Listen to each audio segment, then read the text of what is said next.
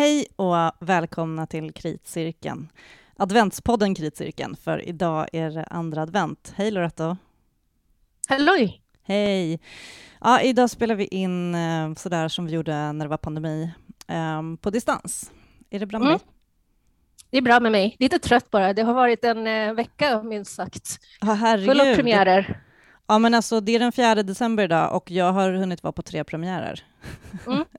Jo, nej men eh, jag har varit på två premiärer. Så att, ja. Ja, det är helt galet. Ehm, vi ska snart prata om eh, den stora premiären som vi var på i torsdags. Mm. Eh, The Tale of the Great Computing Machine. som handlar om AI och framtiden fast i dåtid. Bygger på en bok av Mm. Hannes Alfvén. Men vi sparar lite på den, tänker jag. Ehm, eh, och först så... Jag har ju varit på två föreställningar ehm, som jag skrivit om. Eh, dels var det Mm. eh, Thomas Winterbergs Jakten-film eh, som har blivit teater på Stadsteatern. Och sen igår var jag på en nyskriven julpjäs som heter Köket är hemmets hjärta av eh, Agnes Lidbeck som dramatikdebuterar. Mm. Eh, och ja, jag behöver inte säga så himla mycket mer om dem faktiskt. Jag... ehm, alltså jakten, sevärd, eh, om man inte har sett filmen ungefär. Det var min slutsats. Jag tyckte att den var... Mm. ehm, nej men det kändes bara inte som att det fanns en otrolig liksom, motivation att göra teater så nära ett filmmanus. Um, Mm. som det har gjort. Det är tio år sedan filmen kom. Det har hänt mycket sedan dess. Ehm, så att, ja, och lite bekymmersamt kan jag tycka så här, med Kulturhuset Stadsteatern att de har... Det känns så kommersiellt. Liksom. Ja, ja, men visst gör det det. Ehm, så fick jag höra av en så dansk kritikerkollega att eh, ehm, i Danmark så är det bara i januari så är det premiär för en eh, runda till som teater. Just det. Ja. Ja. Men Eh. vad är det med dansk film och att den eh, blir bearbetad till eh, scenen? Alltså jag, jag vet inte, men alltså jag tycker överhuvudtaget det är mycket film som blir teater. Mm. Alltså på, på Stockholms stadsteater eller Kulturhuset Stadsteatern så, det här var ju andra filmen som blev teater på, under hösten. Det var ju Mandomsprovet tidigare i höst, fast den Ja, har inte jag just det. sett. Nej. Ehm, så vad då liksom? Jag, jag är så här, jag tycker att det känns som, är de liksom, och sen så har de, ja men bok blir teater, de har kört Kulla-Gulla, eh, podd har blivit teater, um, var är Olle? Um, Mm. Alltså, jag vet inte, de, eh, jag, jag tycker att det, det börjar bli så lite bekymmersamt. Tror de inte på teaterns liksom, kraft själva, eller vad är, vad är felet? Varför måste de... an- Liksom ja, nej, men, någonting- också, men också en väldigt populär författare som inte har varit dramatiker tidigare får tralla. Det är väl också Ja. ganska anmärkningsvärt. Agnes Lidbeck? Ja, precis. Mm. Ehm, nu ska jag säga till, till Agnes Lidbecks försvar att jag tycker att det var otroligt roligt att få se en, en väldigt så klassisk komedi. Ehm, det är Mm. jultema och sådär och det är en eh, liksom, ska man säga, medelklassig eh, borgerlig familj, fast liksom i nutid sådär. Det finns ju väldigt många sådana Mm. Uh, jag menar, det finns ju så brittiska pjäser. Den var påminner lite om så här brittisk komedi, typ. Eh, Mm. Julen och liksom, ja, jultid är det så typisk familje... Ja, men så familjedrama, komedi har de kallat den. Det är ju nästan en fars, liksom. Mm. Ehm, så på det sättet så var det roligt att det var liksom teater, teater. Um, Ja. mer riktiga dialoger och liksom riktiga, alltså så här, väldigt många svängar och sådär. Det liksom bäddade för att så här, skådespelarna fick briljera komiskt. Jo, nej, men jag tänker liksom att det är ändå inte så riskfyllt av Kulturhuset Stadsteatern att Nej nej, göra gud. den. Nej, alltså, och, själva den här pjäsen, oavsett vem som hade skrivit den, då, om, man ska, om man får säga så, Mm.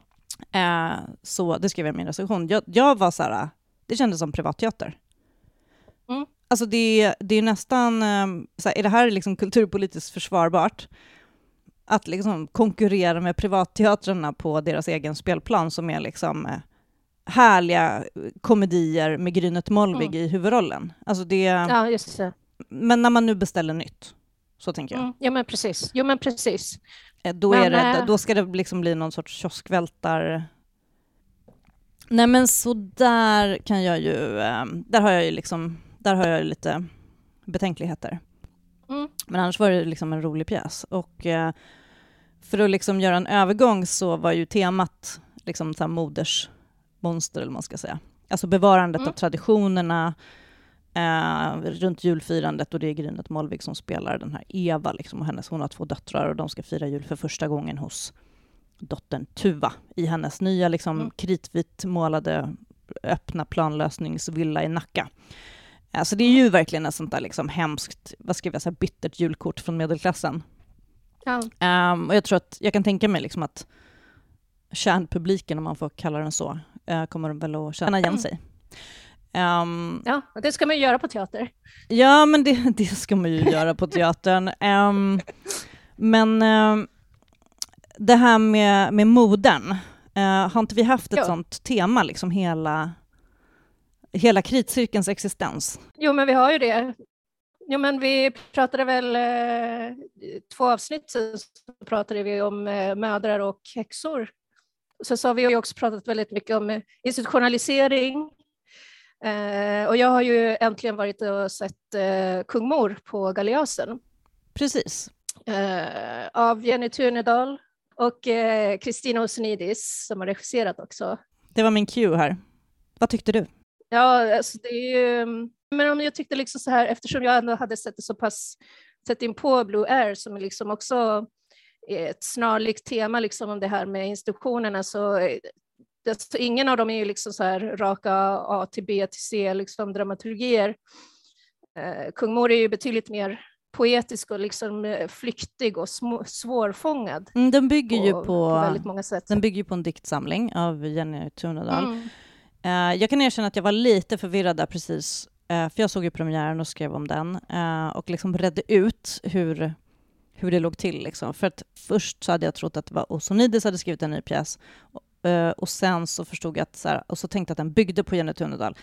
Eh, och sen så fick jag liksom bara lite snabb Mm. info precis inför där att nej men de har skrivit den ihop. Eh, å andra sidan så, så tycker Mm. jag liksom, jag har ju också läst den här diktsamlingen och jag tycker att det finns eh, läsdramakänsla i eh, dikterna. Eh, och speciellt liksom det här förhållandet Mm. som finns till eh, kung Lear. Eh, som är liksom Mm. en, ja det är väl parafrasen, eh, titeln Kung Mor tänker jag, är eh, Ja, att den här dementa mamman ehm, ja, spelar, vad ska man säga, kung Lears roll i deras relation. Ehm, Mm. För han blir ju också sjuk och gammal och Mm. har tre döttrar, eh, varav en då är favoritdottern. Ja. Och man kan tänka in sig det. Jag tyckte att det var väldigt intressant och eh, man gillar ju liksom man gillar ju bildade referenser och, och den här liksom intertextualiteten. Ehm, och, Ja, men jag tänker också att eh, Kristina Osonidis skriver ganska eh, avancerad dramatik på ett bra sätt, om, får jag tillägga. Men, men Mm. ehm, Mm. hon har ett väldigt filosofiskt och förhöjt liksom, språk och stil och väldigt liksom, ja, men cerebral. Eller liksom, det är mycket tänkande. Det, Ja, ja, men det är cerebralt. Ja, det är väldigt mycket liksom, eh, alltså på något sätt att varje replik på något sätt eh, är fylld med sitt eget mening och innehåll snarare än att replikerna ska föra någon handling framåt. För att handling är det ju liksom egentligen inte. så här, hon ligger, Osonidis tycker jag ligger nära poesin, nära filosofin och Jenny Thunedal absolut liksom från sitt håll. Jag tycker att de, det är ett Mm, väldigt fint mm. möte. Jätte, jätteintressant samarbete. Och eh, sen är ju Osonidis också en väldigt bra regissör. Eh, det är bra skådespeleri.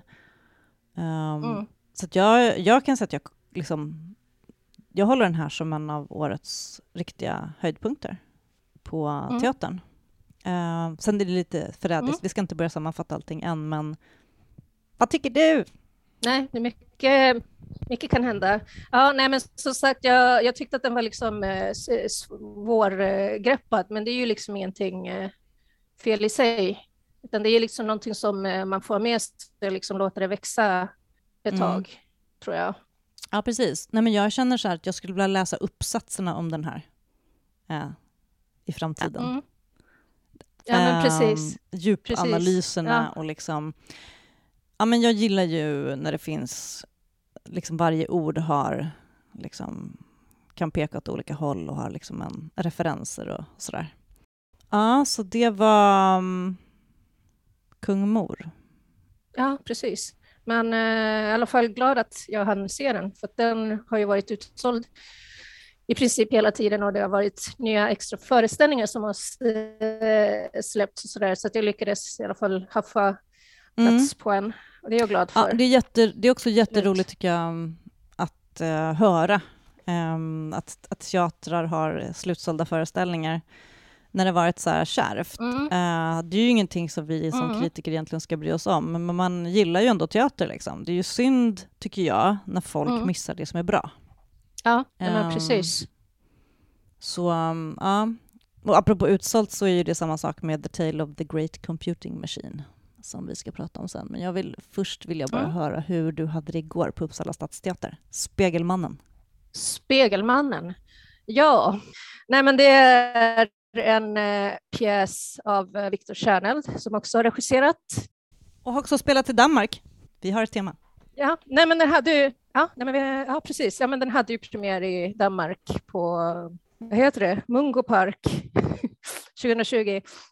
Uh, I alla fall handlar om uh, bluffjournalisten uh, i real life, Claes Relotius, som skrev för Der Spiegel. Just det, Der Spiegel-skandalen. Precis, därav Spegelmannen. Ah. det, är mycket, det är mycket här. Nej, men, så den berättar, det är mycket speglar. Det är liksom en scenografin består liksom av en halvcirkel som med öppna dörrar som stängs och när de stängs så blir det liksom som en spegelsal så att spegeln liksom är ett genomgående tema även i texten. Eh, I alla fall så berättar den liksom eh, lite grann eh, om några av hans mest rafflande bluffhistorier. Eh, berättar bland annat om en eh, kvinna som eh, får runt i USA på olika, där olika dödsdomar ska verkställas för att hon liksom menar på att det är någon slags medborgerlig plikt som hon har att, att bevittna dessa. Alltså lite så här, lite så här makabert. Och sen så är det ett annat reportage som handlar om en eh, kille som målade graffiti på en vägg i Syrien och som i sin tur utlöste det syriska inbördeskriget. Eh, så visar det sig liksom att eh, antingen så är inte något av det här sant eller så har han eh, plagierat material från andra journalister. Och liksom hela den här ja, imagen på något sätt rämnar. Men det är ju liksom inte en berättelse om journalisten Claes Relotius, utan det är ju en historia om storytelling, om berättande och sanning ah. fiktion. Det här känner jag igen mm. från någonting som vi såg i Belgrad. Mm. Precis. Fast här är det liksom... Ja, alltså här är det liksom på något sätt mer, eh, mer explicit på många sätt eftersom det är liksom det som är ja. tematiken. Så är en his historia god nog att berätta så ska den berättas, men bla bla bla, vad är sanning, vad är lögn? Och, så där. och det liksom vävs in eh, väldigt mycket i teatern också. Vi får även ta del av eh, en intervju som eh, dramatikern gjorde med Claes Relotius via ja, Zoom. På riktigt? Eller det vet man inte? Eh, på riktigt. Eller? Eller? Ah. ah, och, och, och sådär liksom. Så det, det blir liksom sådär och det går över från den här liksom mer dokumentära thriller-grejen med liksom den här bågmannen till, eh, till liksom en ren fars om eh, sanning och fiktion. Mm. Kolla aldrig en bra story, brukar man säga. Ja, nej men precis. Det var Mark Twain som sa det. Ja, så, så det var det. Ja, men det var kul, välspelat. Eh, och man liksom ska säga någonting om eh, salongsskicket så var det ju liksom, det var ju halvtomt. Oj. Vilket är ganska, ganska eh, uppseendeväckande på en eh, premiär. Eh, mm. Men var det några andra kritiker där? Ja, eh, DN var där, UNT okay. var där, jag var där. Så att, ja, det, ja, vi var ju några där i alla fall. De närmast sörjande. Men eh, fortfarande liksom rader jo, men precis. Nej, men, men ändå liksom eh, tomma, tomma rader, eh, vilket är liksom ganska ja, freaky med tanke också på liksom att det här är ju ändå nyskriven originaldramatik. Men vad, är, det, är det en monolog? Nej, utan det är eh, tre skådespelare varav liksom eh, Angelica Prick eh, tar liksom rollen som eh, Claes Rolotius. Och liksom, eh, det blir berättarteater liksom när de berättar de här artiklarna och sen så liksom eh, löses på något sätt det här eh, berättarformatet upp till liksom själva, själva uppgörelsen mellan sanning och fiktion och de olika positionerna som de olika karaktärerna har. Eh, lite grann så här ja, metateater, fast det går liksom aldrig riktigt metavägen ut, utan det är liksom så här, ja, bryter smärdersmäggen, fjärde väggen.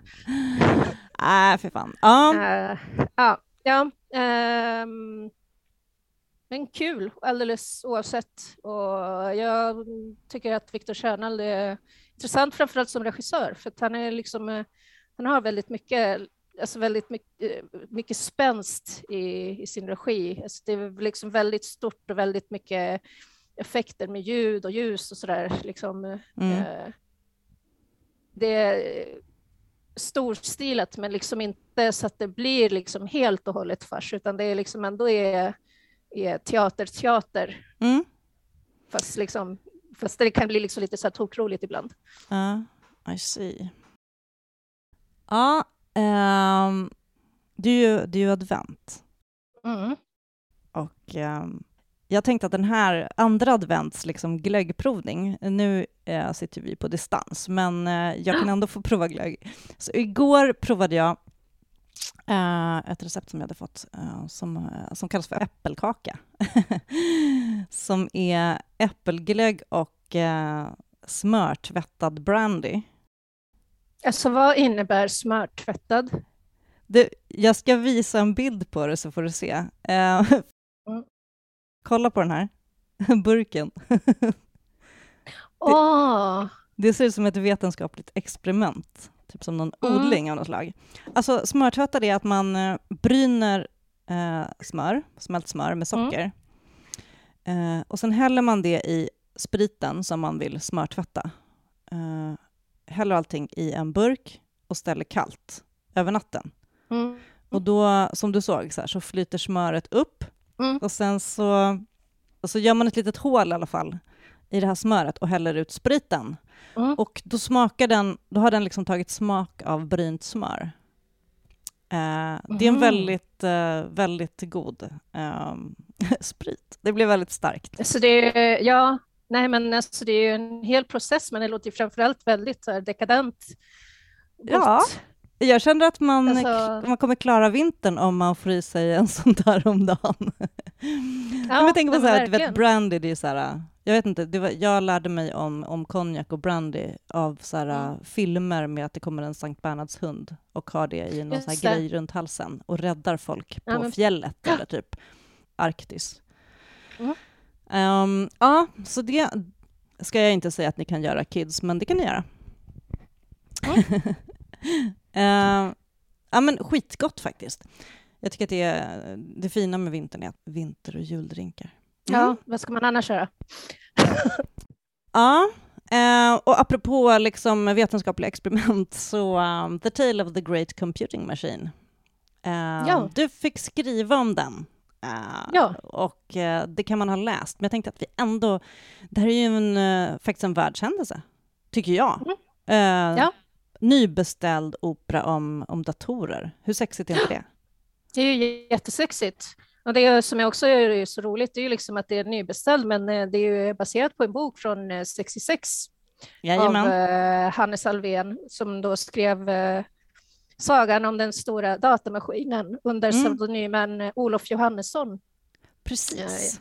Jätterolig bok, ja. måste jag säga, som, är liksom, som berättar liksom på något sätt hela, hela mänsklighetens historia, fast egentligen dat datornas historia utifrån datornas perspektiv, så det är liksom är lite grann som en slags genesis. Exakt alltså, vad jag tänkte säga, det blir ju verkligen en skapelseberättelse och det blir det ju operan, ja. eh, verkligen. De har tagit fasta på det. Um, ja. Med de här, uh, det är fyra karaktärer mm. um, som heter, vad heter de, så här, Carbon, um, uh, nitrit, uh, ja, och hydro, alltså det är olika liksom, grundelement kan man säga. Och så har ja. vi dansaren, alltså de är också, de är också så monokroma liksom. Det är en mm. röd och ja, en blå, en vit och en svart. Det känns också så här, nej men allting pekar tillbaka på någon sorts retrofuturism. Mm, ja. Och, um, ja, men väldigt så här framtidsnostalgiskt. Ja, men um, eller hur? Så här, en Aniara för vår tid. ja, ja, visst. Fast ja, men det, det, är väldigt kul, för det här är verkligen så här, det är en, en, en gammal eh, framtidsspaning. Mm. Vilket ju, alltså det är ju, det är ju värsta godis, eh, godiset för, för den här liksom typen, också för, att sätta i det här uh, spelrummet som är reaktorhallen under KTH. Ja, verkligen. Alltså, hade du varit där vilket... förut? Jag hade ju inte det. Uh, har nu fattat i, i efterhand att um, paret uh, Urnander Skarin hade ju tidigare gjort en uh, utställning där, liksom lite grann i, i samma utforskande av förhållandet mellan uh, teknologi, konst och ehm, musik. Exakt, de har ju hållit på med det ett tag. Ja, ja men precis, Opera Mechatronica. Så att man kan säga liksom att det här är en fortsättning på det, på det utforskandet då, liksom med, en, med ett helt operaverk på en och en halv timme. Alltså det är verkligen en lång linje också. De har ju gjort, alltså jag har ju ett bara så här, snyter ett minne ur, ur min, liksom, uh, ur min uh, hårddisk. Uh, mm. Hon har ju gjort um, Åsa Unander Skarin har ju gjort en, eh, de kanske gjorde den ihop också, en eh, robotsvan som har ställts ut, eh, som har dansat mm. Svansjön. och nu mm. har de ju också den här, utvecklat den här vocal cord-instrumentet. Mm. Uh, som vi ser på scenen som är... Alltså det ser också så här, det, det är så fint för det är också så här, ja men det är också retrofuturistiskt i sin design med så här långa rep och liksom uh, den här uh, ABB-roboten som uh, ska... Ja, det är ganska långt in i föreställningen som den mm. ska börja spela, men man vet ju att den kommer göra det, så man sitter ju och ja. spanar. Ja, nej, men det är jättefint. Och jag har ju tidigare sett eh, Carl Unander Skarins... Eh, han har ju liksom även hållit på i sitt eget komponerande Exakt. och experimenterat med, med teknologi och hur man liksom kan eh, utveckla operakonsten såg den här Elefantmannen, eller The Elephant Man kanske den hette, tror att det var 2011 eller 2012 på Norrlandsoperan, mm. där eh, då Elefantmannen hade liksom en eh, anordning på armen genom vilken han liksom med rörelse kunde, kunde förvränga rösten. Vilket Aha. är liksom så här, ja men det är, det är ju superintressant. Kan man ju liksom, kommer ju liksom puristerna och tycker nej men det är inte opera och bla bla bla förstärka. Men alltså det här är ju liksom någonting annat. Mm. Uh, det här är ju Uh, ja, också visst, man ska genrebestämma. Um, mm. The Tale of the Great Computing Machine. Jag var lite överraskad faktiskt att de gjorde den på engelska. Det känns ju som att man siktar på någon sorts liksom, internationell ja. spridning av det hela. Uh, mm. det, jag, eftersom boken är skriven på svenska så tänkte jag att det är inte riktigt nödvändigt. Uh, men absolut, man kan förstå det och det handlar om också det här är ju en typ av konstnärlig forskning. Eh, det är ju mm. någonting som är väldigt omdiskuterat sådär just nu, men det här är ju konstnärlig forskning som är kopplat till forskning i och med att det är kopplat till KTH och mm. den här typen av programmering och sådana saker. Ja. Um, ja, programmering och sådana saker, det var ju verkligen så här reducering av vad de håller på med. Mm. Men, um, så det är ju inte kanske en opera i det i den gamla traditionella bemärkelsen opera, men det är ju sång, eh, även om en röst då, computer, mm. eh, huvudpersonen kan man säga, eller Gud, mm. eller superdatorn, eller liksom alla metaforer som, som superdatorhjärnan har haft, slash Gud i alla sci-fi någonsin, mm. eh, är ju en inspelad röst. Det kunde ju varit en Vocaloid, tänker jag. Mm. Eh, apropå liksom att det, det kommer generationer nu som faktiskt inte så här, bryr sig om det är en helt programmerad datorröst som sjunger eller inte. Men ja, nu är det Anna Larsson mm. som är inspelad. För med inspel... Jag tyckte det var lite så ändå, lite så märkligt att inte de gjorde någonting mer av den inspelningen. Ja, jag, jag, känner, höll på. jag tyckte det här är också det som jag hade min, min största liksom betänklighet eh, kring. Um, uh, nej, det kändes inte som någon riktig poäng med det. Ja. ja. men hade det varit en Vocaloid så hade jag fattat det och det hade förmodligen varit väldigt provocerande för uh, mm. den här typen av uh, operatraditionalister. Um, mm. Och, uh, men annars så kan jag tycka, alltså det är ju en mänsklig dansare med, men sen har vi också de här robotarna som kan ses som dansaktörer. Och där är liksom, känner jag, i min filosofi om vad är scenkonst eller inte. Alltså, man kan bara titta på, eh, på dockteater så, mm. så kan Visst. man bara släppa alla de diskussionerna. För vi är helt överens om att dockteater är en typ av teater. Mm. Och det är ju liksom, det finns ju flera som håller på med att programmera dansande robotar och sådär. Eh, och det är en grej. Eh, och jag tänker att man bara så det här är hela den här frågan om kommer liksom datorer ta våra jobb eller kommer robotar att ta våra jobb, konkurrera ut människan, det är ju inbyggt i diskussionen här. Mm. Och var är människan i den digitala framtiden? För även om det här är skrivet mm. eh, 66 eh, och så liksom är det som att han har eh, det han gör i sin bok är att han på något sätt förutspår grejer som faktiskt, som vi vet har hänt. Mm. Uh, det finns ett spel inbakat i det här uh, där ja, man kan säga människan tävlar mot maskinen och det finns ju flera sådana milstolpar mm. i liksom AI-programmeringens historia. Liksom. Vi har ja. uh, schack, första gången en dator slog en schackspelare. Sen har vi ju Go, alltså the mm. game of Go, de, den typen av utveckling. Ja, men precis. Ja, nej, men jag har refererat i min recension till när datorn Deep Blue Eh, spöade Garry Kasparov 97. Ja, precis. Eh, och det var ju liksom en, det var en världshändelse och det är liksom eh, eh, ändå någonting, apropå liksom om man ska tala referenser, det känns ju som att just den händelsen var ju någonting som explicit refererades till i själva operan. Alltså just att eh, det här tävlingen pågick i sex nivåer, eller fem nivåer, sen mm. gav de upp. För att ja, men och den har ju fortsatt. Den har ju fortsatt ja. i, liksom i, mm. i, i, modern tid med de här mm. Go-spelarprogrammeringen. Mm. Så att uh, mm. den, det är liksom så man jobbar med uh, Turing-testet, uh, som man Just brukar det. prata om. När, ja, när, liksom, när byter... Uh, när, hur vet man att en dator är en dator och inte en människa? Alltså, mm. Så det är ju inbyggt i det. Och sen, så, sen tycker jag också att det är ganska enkla andra test, alltså de mänskliga testen som är, jag kan mm. inte få tag i mina pengar. Mm. Um, och um, ska vi överlåta till maskinen att bestämma hur vi ska rädda liv? Så det är otroligt filosofiska, viktiga filosofiska framtidsfrågor som vi mm. sitter med nu. Eller vi, ja. men alltså folk som de som bestämmer. Ja. Um, övervakning kommer in, men det är inte så uttalat.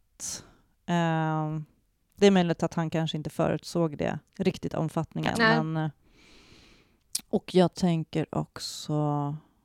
Den här typen av konstverk blir ju i sig... Först kan man ju se det som att det är ett proof of concept. Uh, vad kan en maskin göra liksom versus vad människan gör i ett scenkonstverk? Uh, men det är ju liksom, det är ju lite grann baby steps som tas nu. Det är därför jag tycker att den här är väldigt intressant och lite grann mm.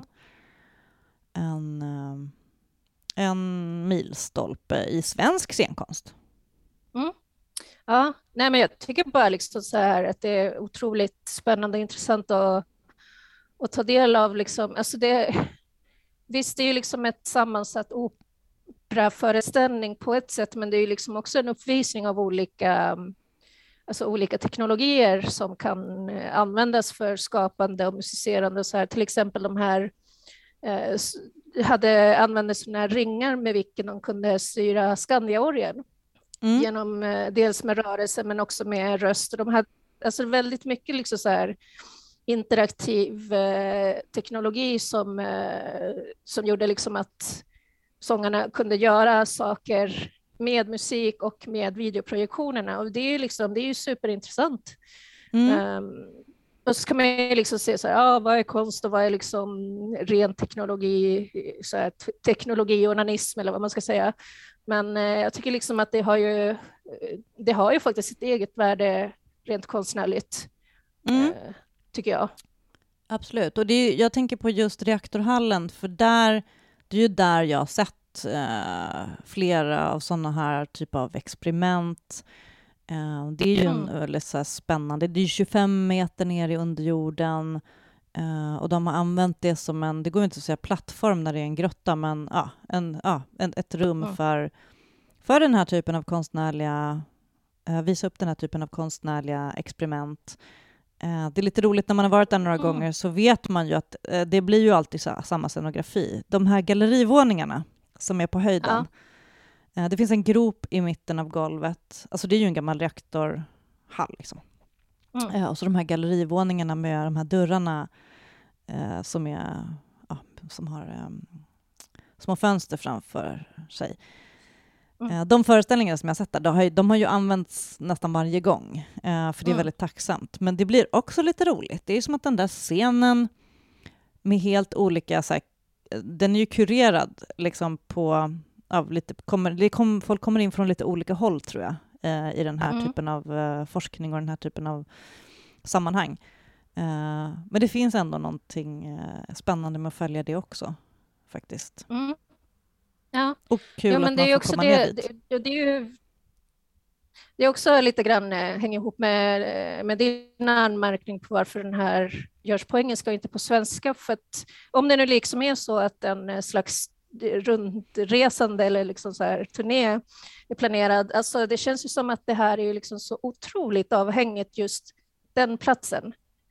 Mm. Så, liksom bara, bara det här liksom med med att Skandia-orgeln finns där och att den liksom är ett, ett moment liksom som, eh, som figurerar i musiken mm. uttalat, mm. liksom, så att säga. Eh, så då hade Nej, man men... liksom lika gärna kunnat köra den på svenska och liksom bara låta den vara, vara här. Mm. Eh, Precis. Eller jag vet inte, vad tycker du? Nej, men jag tänker att det är eh, Nobelvecka coming up.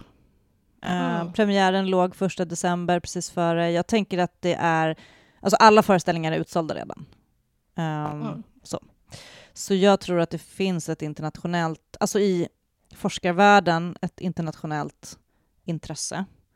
Och eh, nej, men i den akademiska världen så pratar man engelska helt enkelt. Så är det nog. Sen så mm. skriver man en opera.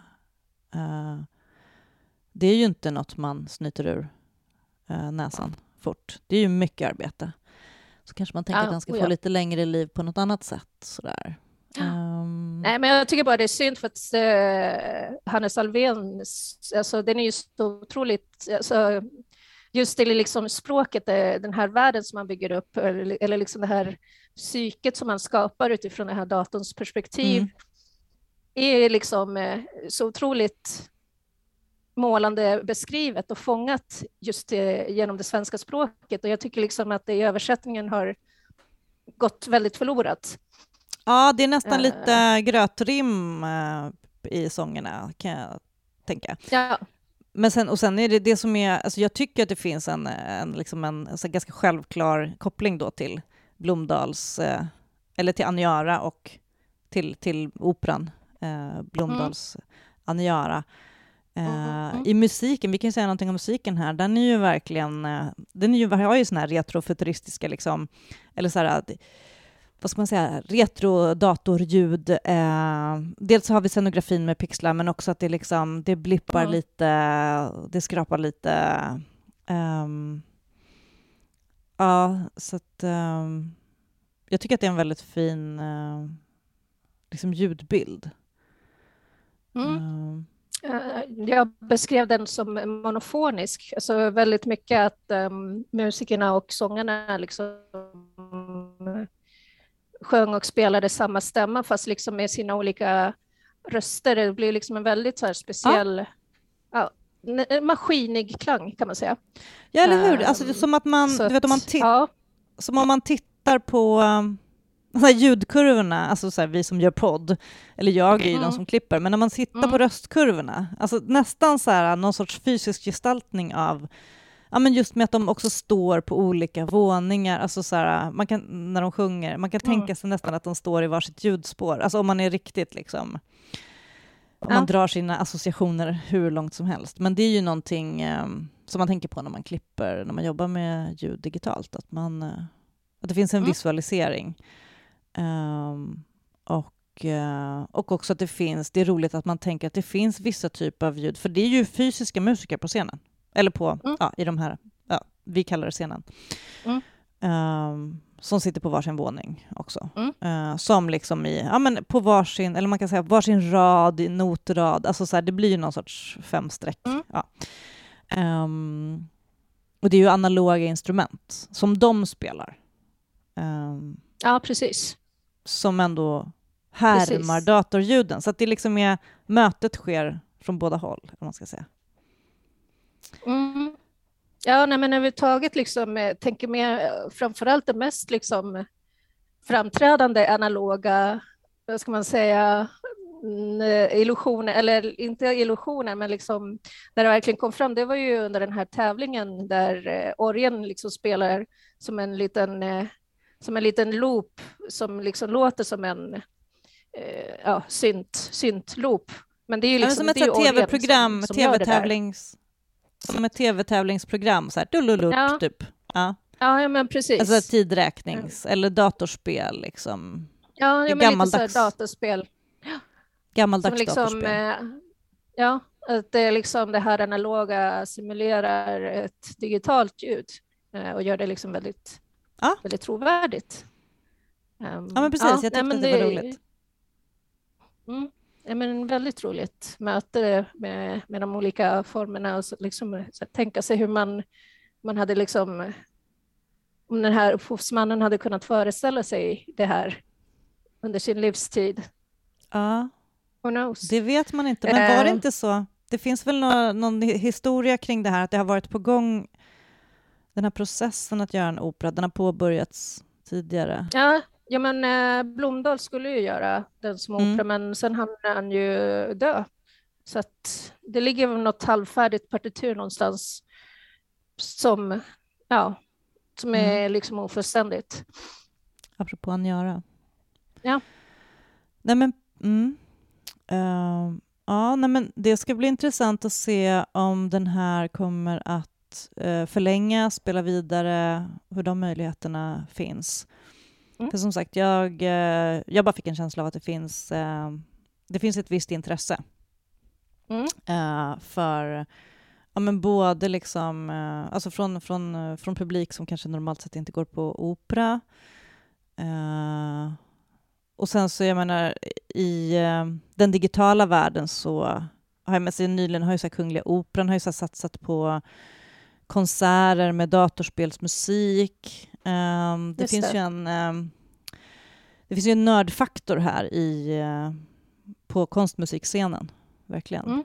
Absolut. Eh, och en ganska stor liksom, community kring så här, eh, liksom AI-programmerade instrument och sådär. Mm. Så um, ja, nej, men det var roligt att få se. Det var intressant. Det var en väldigt, eh, det var inte direkt techies kändes det som, som var i publiken. Alltså, eh, det, var, det var en äldre publik kan man säga. Ja, men det var ju släktingar och eh, mecenater och Eh. vi kritiker då. Ja, precis. Så, Nej, men alltså drog inte Så- vi ner snitt, i ålderssnittet ordentligt på premiären? ja, oh ja, det gjorde vi faktiskt. Ja, ja nej, men det var, det var roligt att få se den. Ja, det är, det är faktiskt eh, fortsatt lite intensivt fram till jul. Eh, därför kanske kritiken återkommer ganska snart igen. Det får vi se.